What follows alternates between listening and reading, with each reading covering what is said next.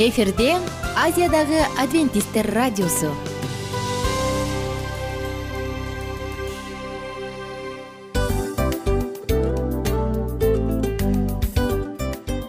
Достор салют. Баардык сүйүктүү угармандарыбызга салам айтабыз. Кутман күнүңүздөр менен. Ден соолук өмүрдүн булагы демекчи саламат саамы программасында баарыңыздарды көргөнүбүзгө абдан кубанычтабыз. Анда алгач амандашып өтөлү арбаңыздар деп. Ден соолугуңуздар кандай элибизде көбүнчө ден соолук кандай дегенде эле жакшы деп жооп беребиз э? ооруп турсак дагы жакшы дейбиз. Анан мен муну айтып ойлойт элем бул абдан сонун сөз депчи анткени бул жакшы деген үмүт да э ооба баары жакшы болот. Баары сонун. Деп үмүттөнүп атып эле өзүбүздү өзүбүз дарылап коебуз. Анысы кандай? Сиздин дагы ден соолугуңуз жакшы беш деген үмүттөбүз чындыгында ден соолук бул өмүрдүн булагы деп бекеринен айтылган эмес деп ойлойм. Кыргыз элинде анткени эгерде ден соолук жок болсо анда адамдын жашоосунда калган баардык керектүү маңыздуу нерселер өзүнүн баалуулугун жоготуп коет. Ошондуктан ден соолук бул эң керектүү нерсе. Ооба туура айтасың кесиптешим. Чынында ден соолугуң жок бир эки үч күн ооруп калсаң эле э кандай болуп калат? Жашоодо көз каранды болуп каласың көп нерсеге жетишпей каласың көп нерсени кыла албай каласың жада калса эшикке дүкөнгө да чыга албай каласың. Туптуура анан ден соолук болсо демек биз биздин бактыбыз тотой деп койсок болот. Анда достор саламат саамы рубрикабызды баштайлы. Алдыда өзүңүзгө керектүү болгон сонун кеңештерди уга аласыздар. Мына ошондуктан биз менен бирге болуңуздар. Ал эми биз болсо милан жана айнура.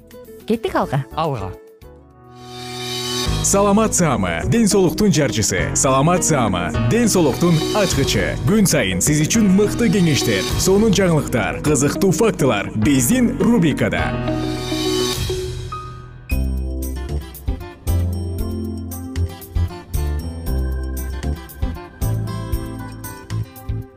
амансызбы замандаш кайрадан сиздер менен эң сонун радио толкунда үн алышканыма кубанычтамын. Аты жөнүм айнура миназарова. Биздин толкундан ден соолугуңузга кам көрүүчү жана сизге эң чоң пайдаларын тийгизүүчү сонун маалыматтардын баардыгын уга аласыздар. Саламат саама рубрикасы жана аты жөнүм айнура миназарова. Бүгүнкү темабыз төшкө кам көрүү. Мурунку уктурууда төш жөнүндө аял затынын төшү жөнүндө кененирээк айтып бергенбиз. Бүгүнкү уктуруубузда болсо андан ары улантабыз. Негизи эле келишимдүү келбеттүү төш бул бир гана жаратылыштын берген белеги эмес. А бул абдан туура кам көргөндүктүн же болбосо туура кам көргөндүктүн бирден бир натыйжасы десем ишенесизби? Ооба достор көрсө төштө сөөк жок анда булчуң жок ошондуктан өтө эле сезимтал жер. Бирок ошого карабастан төштүн ийилчээк ийкемдүү болушуна жана анын салаңдап калбашына сиздин салымыңыз дагы өтө чоң эмне себептен? Анткени төштө мурунку уктуруубузда айтканбыз кайсы бир бездер жок деп. Жана ал дагы көздүн алдындагы жука тери сыяктуу ал дагы өтө сезимтал дегенбиз. Эми достор сиздин сурооңуз анда анын формасын кантип сакташ керек? Дейт болушуңуз керек. Аны чоюлуп калуусунан же болбосо салаңдап калышынан кантип сактанса болот дейсиз?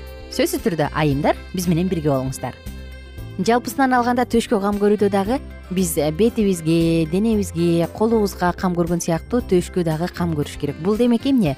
Тазалоо нымдандыруу тоңдоштуруу жана азыктандыруу. А күн сайын эгерде сиз төшүңүздүн келбеттүү болушун кааласаңыз анда алгач жылуу суу менен анын артынан сөзсүз түрдө муздагыраак суу менен чайкап туруңуз. Бул күн сайын болгону жакшы. Ошондой эле атайы гелдер бар эмеспи душ үчүн жана нымдандыруучу активдүү каражаттар булардын баардыгын тең колдонуп душта жуунуп атканыңызда жууп коюңуз. Эгерде таң калсаңыз бирок чын эле ушундай. Төшкө дагы эмчектерге дагы крем сүйкөш керек. Кандай крем? Интенсивдүү нымдандыруучу азыктандыруучу кремдерди гипоаллергендикти дагы сүйкөсөңүз жакшы. Эми биз баналдуу гимнастиканы калтырып кетпесек болбойт э? Калтырып кетсек болбойт. Анткени эмчекке төшкө кам көрүүдө бул баналдуу гимнастика дагы абдан маанилүү. Сексенинчи жылдарычы бир доктурдун семинарлары абдан эле ушундай ийгиликтүү болгон да. Себеби ал жерде ал мырза идеалдуу төш жөнүндө идеалдуу төштү кантип форматташтырыш керек? Мына ушул жөнүндө сөз кылган. Ал дайыма мындай деген. Өзүңдүн ийиндериңди түздө. Бул анын жөнөкөй эле лозунгу болчу. Ийиндериңди түздө. Бүгүнкү күндө бизде компьютеризация доорунда бул өзгөчө эле актуалдуу деп айтмакмын анткени мурун дагы адамдар иштеп башка жакта жүрсө азыркы учурда көп эле биз отурабыз көпчүлүгүбүз эле ушундай нерседе. Эми байкап көрсөңүз достор кайсы гана жерде болбоңуз? Азыр эле өзүңүздүн белиңизди түз кармап ийиндериңизди түздөп курсагыңызды бир аз тартыңызчы. Эми сиздин төшүңүз бул кабыргалар тарапка бир аз тартылганын байкадыңызбы? Ооба анткени төштөрдүн ткандары азая түштү. Бул дагы сизге эң сонун жардам берет. Эгерде сиз дайыма ийиндериңизди түз кармасаңыз компьютерде отурганыңызда дагы анда демек сиз келбеттүү төшкө биринчи кадамыңызды таштадыңыз. Ошондой эле достор эң эле жөнөкөй оп оңой көнүгүүлөр бар. Алардын баардыгын жасаңыз. Колуңуздун чыканагыңыздан өйдө карай буруңуз эки колуңуздун манжаларын бири бирине миништирип кармаңыз. Андан кийин эки колуңузду эки жакка тартыңыз. Бир аз каршылык жараткандай кылыңыз колуңузга анан эки жакка кайра тартыңыз.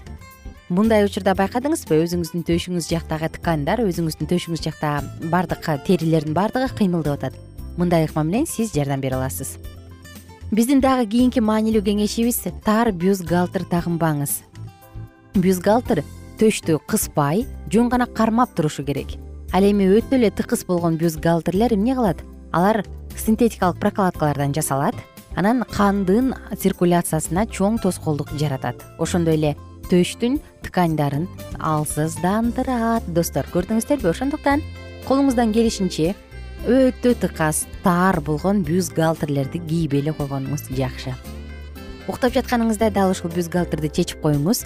Эгерде сиздин төшүңүз өтө чоң болсо өтө эле чоң болсо анда жумшак гана жумшагын кийиңиз. Азыркы учурда базарда толгон толтура түрлөрү бар э эми жай жөнүндө айтсак достор жайында жагымсыз факторлор өтө көп. Ошондуктан көлгө барганыңызда күнгө жатып алып көнгөнүңүздө күйүп атканыңызды абайлаңыз.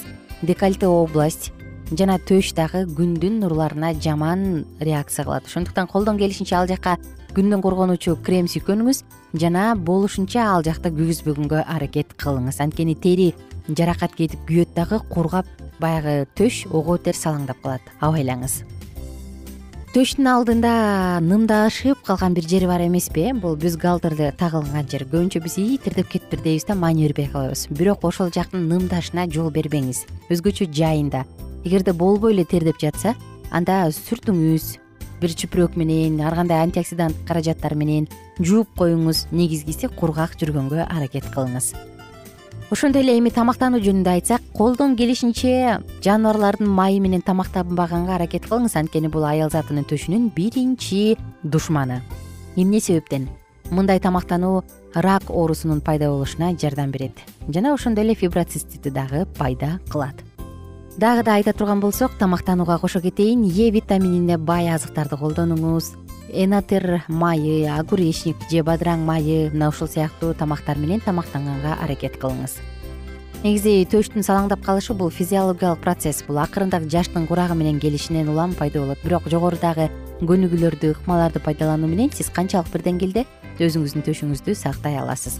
Спорт менен машыгыңыз интернет булактарынан карап көрсөңүз болот. Сонун көнүгүүлөр бар. Төшкө атайын жасалуучу мына ушулорду жасаңыз күнүнө витаминдүү тамак аштарды жегенге аракет кылыңыз. Болушунча кофе кофеин чай сыяктуу тамактардан суусундуктардын баардыгынан баш тартыңыз. Мырзалардын дагы төшү эле ушул сыяктуу эле анда санда гана болбосо бирок мырзаларда дагы төштүн рак оорусу кездешет. Сүт бездеринин ошондуктан абайлаңыздар. Кандай гана учур болбосун ким гана болбосун бирок туура тамактанып сергек жашоо образын кармай турган болсок сөзсүз түрдө баардык кыйынчылыкты жеңебиз достор сиздер менен коштошом. Кийинки уктуруудан амандашканча күнүңүздөр көңүлдүү улансын. Бар болуңуздар бай болуңуздар. Биз сиздерди жакшы көрөбүз. Ошондуктан ден соолугуңуздарга кам көрүңүздөр. Саламат саама ден соолуктун жарчысы. Саламат саама ден соолуктун ачкычы. Күн сайын сиз үчүн мыкты кеңештер сонун жаңылыктар кызыктуу фактылар биздин рубрикада. Салют замандаштар баарыңыздарга ысык салам дил маек программабызга кош келиңиздер. Дил маек рубрикасы дегенде эле бул эмне болгон дил маек? Ким менен маектешебиз деп сурайт болуш керек угармандарыбыз бул рубриканы кыскача тааныштыра кете турган болсок ар тарап кесип ээлеринен болгон сонун интервью кеңештер бар. Ооба. жылдыздар менен болгон маек бар. Аталарыбыздын агаларыбыздын чоң аталарыбыздан сонун кеңештер бар. Ошондой эле эже сиңдилердин кеңештери бар айтор. Баардык кызыктардын баары алдыда. Негизи эле адам баласы бир кимдир бирөөнө ишенип сырын ачкысы келет эмеспи э мындай баарлашууга жакын келебиз го? Албетте негизи бир жерге отуруп алып кенен шашпай баягы жүрөктөн жүрөккө ачып сырларыбызды ар кандай көйгөйлөрүбүз менен бөлүшүп баягы чын жүрөктөн маек курганды кимибиз сүйбөйбүз э? Ооба десең ал нерсеге суусап да келебиз да. Ооба кээ бирде адамга чындыгында баягы э, ысык маек баягы жылуу маек жетишпейт да. Ошондуктан биз ушул рубриканы ойлоп тапканыбызда эң биринчи эле достор сиздер менен чын жүрөктөн бир маңыздуу темаларды козгоп кеткени э, кааладык. Ошондуктан ушундай сонун бир рубриканы тартуулап жатабыз. Анын үстүнө радио дагы сонун дос да анткени э, мындай учурда досуңа айтсаң досуң досуна айтат досу досуна айтат да анан бүт өлкө билип калышы мүмкүн го радио болсо сени сатпаган сенин айыбыңды ачпаган.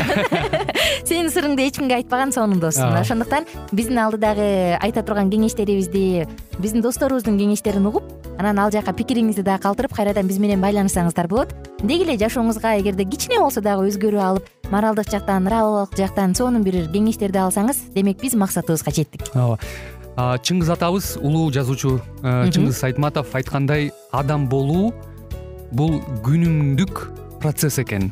Күн сайын адам бойдон калуу бул адамзатка эң эле кыйын дейт э? э эң кыйын дейт. Чындыгында бунун э, негизинде адамдын эң баягы сапаттуулугу адамдын адамгерчилиги жана көптөгөн керектүү нерселер. Мына ошол темалар дагы бизде э, ушул дил маекте биз аларды да козгойбуз. Э, ден соолук жөнүндө да сүйлөшөбүз. Сөзсүз түрдө анан милан мырза негизи айтып коюшат го. Биз көбүнчө эмнени ойлонсок? Ошол нерсеге карата иш кылабыз го. Ооба. Анан анысы кандай? Балким бул радио баракчада кимдир бирөөнүн оюн текшергенге жардам берет кимдир бирөөнүн жүрөгүн текшергенге жардам берет. Балким кимдир бирөөгө жашоонун маңызын тапканга жардам берет. Айтор кызыктын баары алдыда бул жөн гана кыскача жарнама анда угармандарыбыздын баардыгын кийинки рубрикабызга чакырабыз. Ал эми кызматта маңдайымда отурган кесиптешим милан жана мен айнура. Анда эмесе биз даярдаган терең терең ойлор менен таанышууга кеттик. Алыс алыс баралык. Анда эмесе достор биз менен бирге болуңуздар. Алдыда эң кызыктуу маалыматтардын баардыгы бир нече мүнөттөр бою жалгыз гана сизге арналат. Мына ошондуктан жакшы маанай менен угууну каалайбыз. Үн алышканча. Жөнөдүк. Ар түрдүү ардактуу кесип ээлеринен алтын сөздөр жүрөк ачышкан сыр чачышкан сонун маек дил маек рубрикасында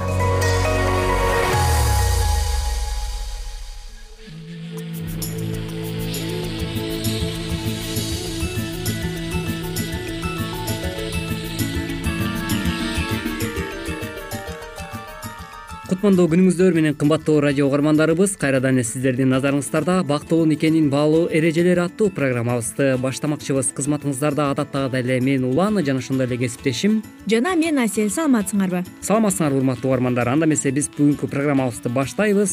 Программабыздын темасын атап өтсөк жолдошуңуз менен деги эле жарашуунун ыкмаларын кантип үйрөнө аласыз? Ушул туурасында бир нече кеңештерибиз менен бүгүнкү берүүбүздө токтолуп өтмөкчүбүз.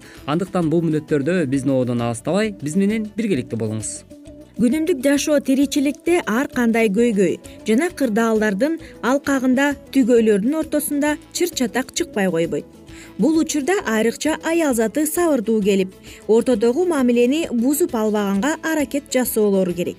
Демек бүгүн жолдошуңуз менен жарашуунун ыкмаларын үйрөнөбүз психолог адистеринин айтымындагы үй бүлөлүк чыр чатак учурунда кеңири таралган кырдаал эч кимиси алгачкы жарашуу кадамын таштагысы келбегендикте болот. Себеби мырзалар үй бүлө башчысы катары өзүнүн пикирин талашсыз туура деп эсептеп кээжирленишет ал эми көпчүлүк айымдар мындай мамиледен жапа чегип калышат. Анткени кандай аракет жасаарын билбей калышат. Андыктан психолог адистери мындай кээжир жолдошу бар айымдарды сабырдуулукка чакырат. Ошол эле учурда ортодо чыр чатак болуп өткөн соң айымдар өздөрү күнөөлүү болуп жаткан маалда деле дароо эле кечирим сурай калуу дагы туура эместигин белгилешет. Муну менен айымдар өз баасын түшүрүп алышат жана сый урматты экинчи көрбөй калышы да толук ыктымал. Жолдошуңуз менен пикир келишпестик болуп кээр муур айтышкан соң тыныгуу жарыялаңыз. Эч нерсе болуп өтпөгөндөй эле түшкү же кечки тамакка даярданып даамдуу тамак жасап дасторконду күндөгүдөн өзгөчөрөөк жасаңыз.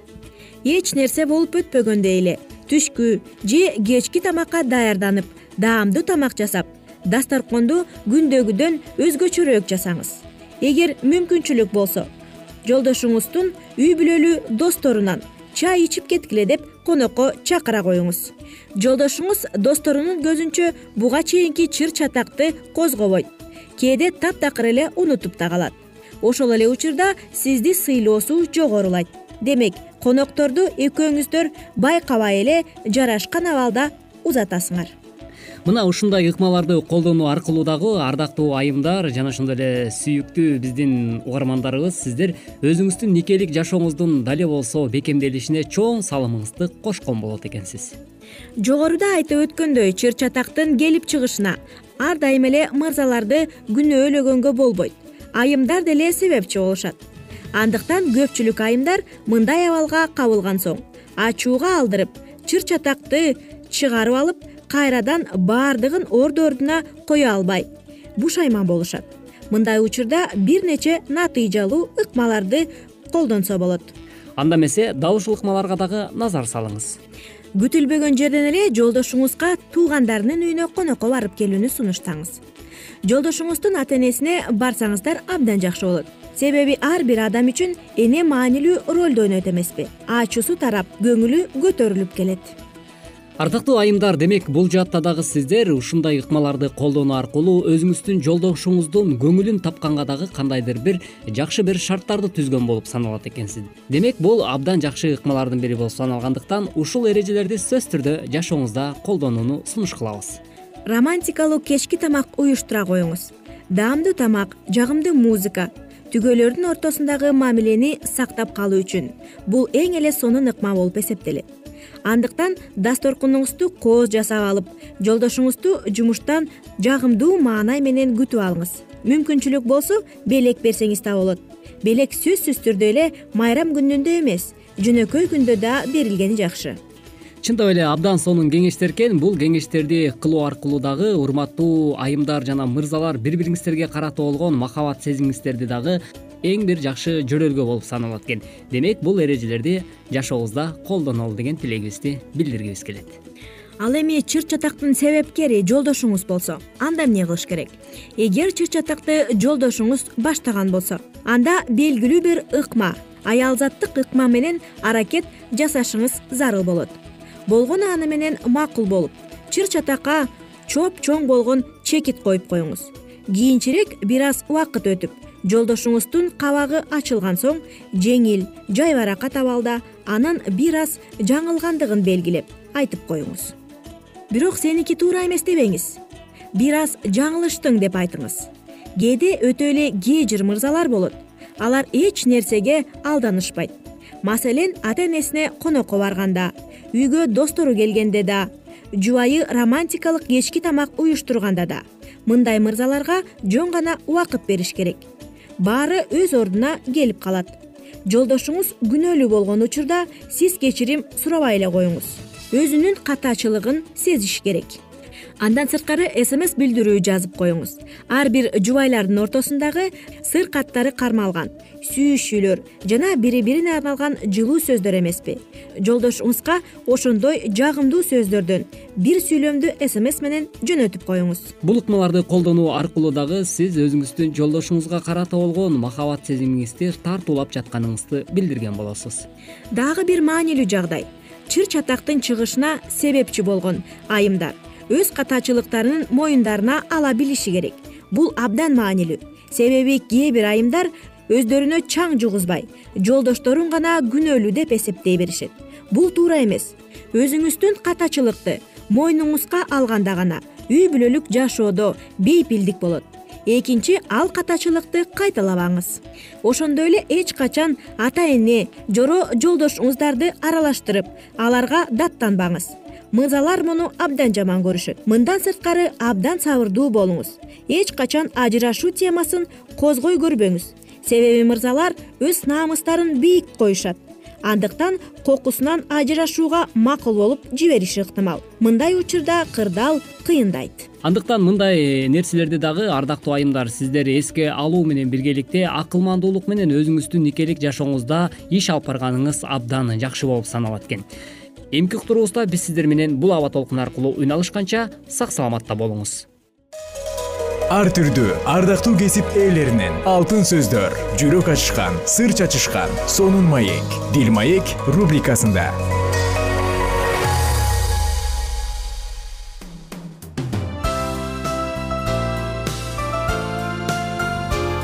Эфирде азиядагы адвентисттер радиосу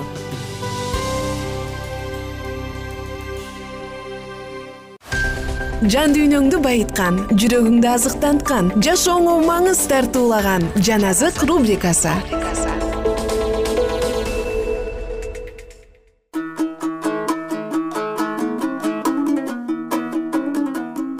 Салам достор. Жалпы биздин сүйүктүү угармандарыбызга сагынычтуу салам. Программабызда жан азык рубрикасынын старт алчу чагы. Жана сиздер менен кайрадан куткарылуу тарыхы деп аталган сонун китебибизди андан ары улантабыз. Биз менен бирге болуңуз. Муса пайгамбар он осуятты жазган жок. Бирок калайык аткара турган шарттарды көрсөтмөлөрдү жана эл кудайга тил алчаак болуша турган болсо бериле турган убадаларды жазды. Ал бул көрсөтмөлөрдү баардыгынын алдында окуп бергенден кийин ысрайыл уулдары теңир айткан нерселердин бардыгын аткарууга бекем убада беришкен. Андан кийин муса пайгамбар алардын берген убадаларын дагы китепке жазып эл үчүн кудайга курмандык чалат анан осуят китепти алып элге үн чыгара окуп берди. Жана эл айтты. Теңир эмне айтса аткарабыз тил алабыз жана муса кандан алып элге сээп мындай деди. Мындагы сөздөрдүн негизинде силер менен теңир түзгөн осуяттын каны ушул. Жана калайык калк теңир буйруган нерселердин бардыгына тил алчаак болуп аткарыша тургандыгы жөнүндөгү салтанаттуу убадасын кайрадан кайталашты. Экинчи муса китеби жыйырма төртүнчү бап жетинчи сегизинчи аяттар. Кудайдын түбөлүктүү мыйзамы. Кудайдын мыйзамы адамдар жаратыла электен мурда эле болгон. Периштелер бул мыйзамга баш ийишкен. Шайтан дагы кудайдын ыйык көрсөтмөлөрүн бузгандыктан күнөөгө баткан адам ата менен обо энени жаратканда теңир аларга өз мыйзамын ачып берди. Теңир аларга өз мыйзамын жазып берген эмес бирок алардын жүрөгүнө салып түшүндүргөн. Төртүнчү осуятта айтылып жаткан ишемби күн жөнүндөгү мыйзам бейиш багында аларга берилди. Биздин жерди жана адамдарды жаратып жатканда кудай адамдар эс алып туруш үчүн ишемби күндү берген. Адам ата күнөөгө баткандан кийин кудайдын мыйзамынын эч нерсеси алынып салынган эмес.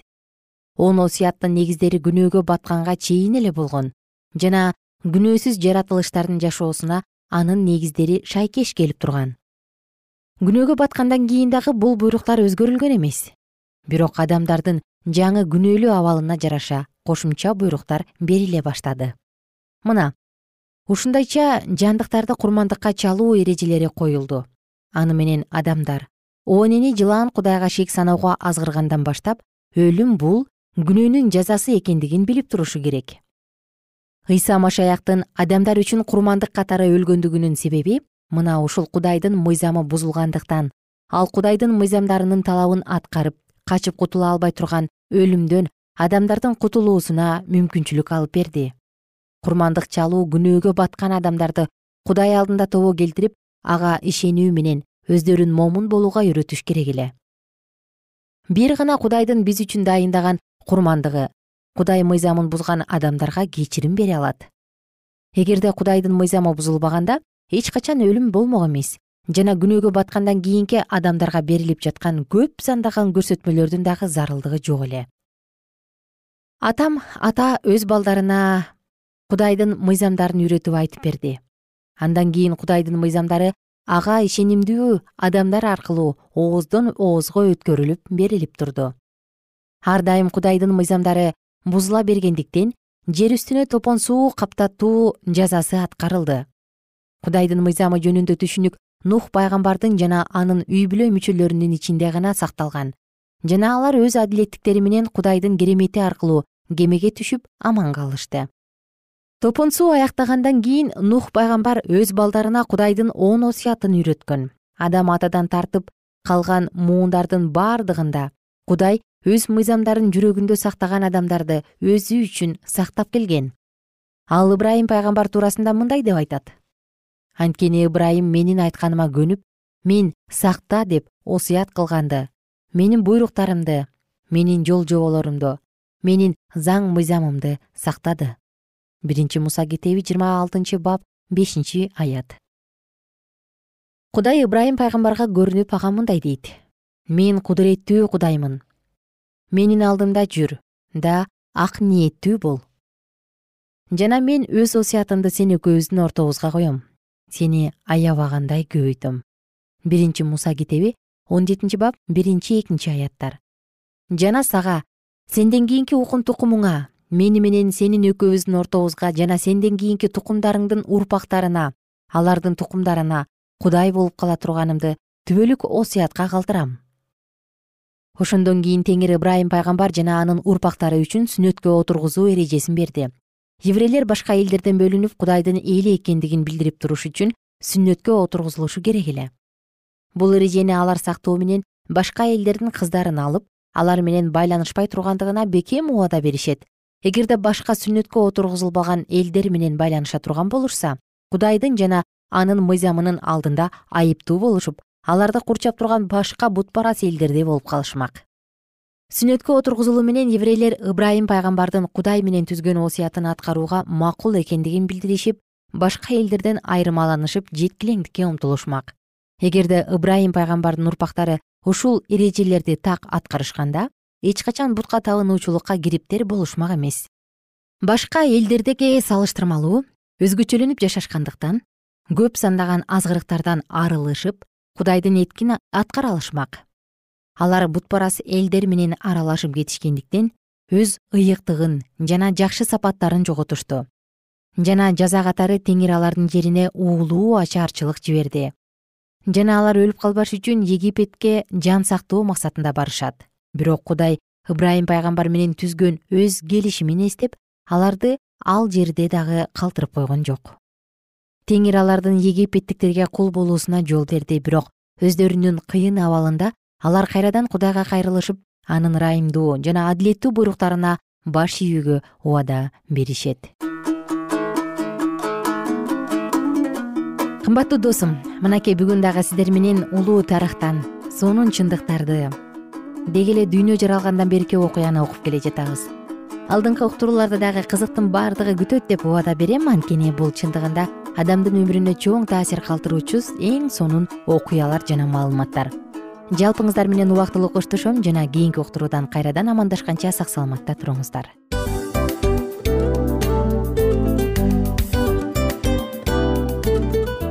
Ушул менен достор программабыздын уктуруубуздун эң кайгылуу мөөнөтүнө келип жеттик кайгылуу дегенде ыйлагым келип кетти кесиптеш кадимкидей. Анткени баягы учурашасың анан коштошуу учур келгенде ии кантип ии эми бат баттан келиптир э сагындырбай деп атып араң коштошобуз го? Анысы кандай угармандарыбыз менен коштошчу учур келди. Кийинки уктурууларды сагыныч менен жүрөгүбүздө кусалык менен күтөбүз жалпыңыздарды анан жарым сааттык уктуруу көз ачышым канча өтүп кетти. Сөзсүз бирок бизде жакшы кабар бар. Кийинки уктурууларыбызда сөзсүз дагы кезигишебиз. Анткени биз көптөгөн сюрприздерди кызыктуу маалыматтарды жана керектүү керектүү нерселердин көпүнчөсүн даярдадык. Андай угармандарыбыздын баардыгына ийгиликтүү күн каалайбыз. Эгерде бүгүнкү күнүңүз өзгөчө э, өтүшүн кааласаңыз анда позитивдүү ой жүгүртүп жылмайып жакындарыңызга жакшы маанай тартуулап жүрө бериңиз анткени сөзсүз түрдө мунун арты кайтат э? Сөзсүз. Баягы ден соолугуң оңолот ал бул деп көп нерсени санап келебиз. Эң негизгиси бул сиздин жашооңузду жаркын кыла түшөт экен. Жараткан кудай ар бирөөңүздөргө батасын берсин жашооңуз ийгиликтүү болсун сак саламатта калыңыздар деп мен милан жана кесиптешим айнура. Баардыгыңыздар менен кийинки уктурууда үн алышканча. Баарыңыздарга ийгилик каалайбыз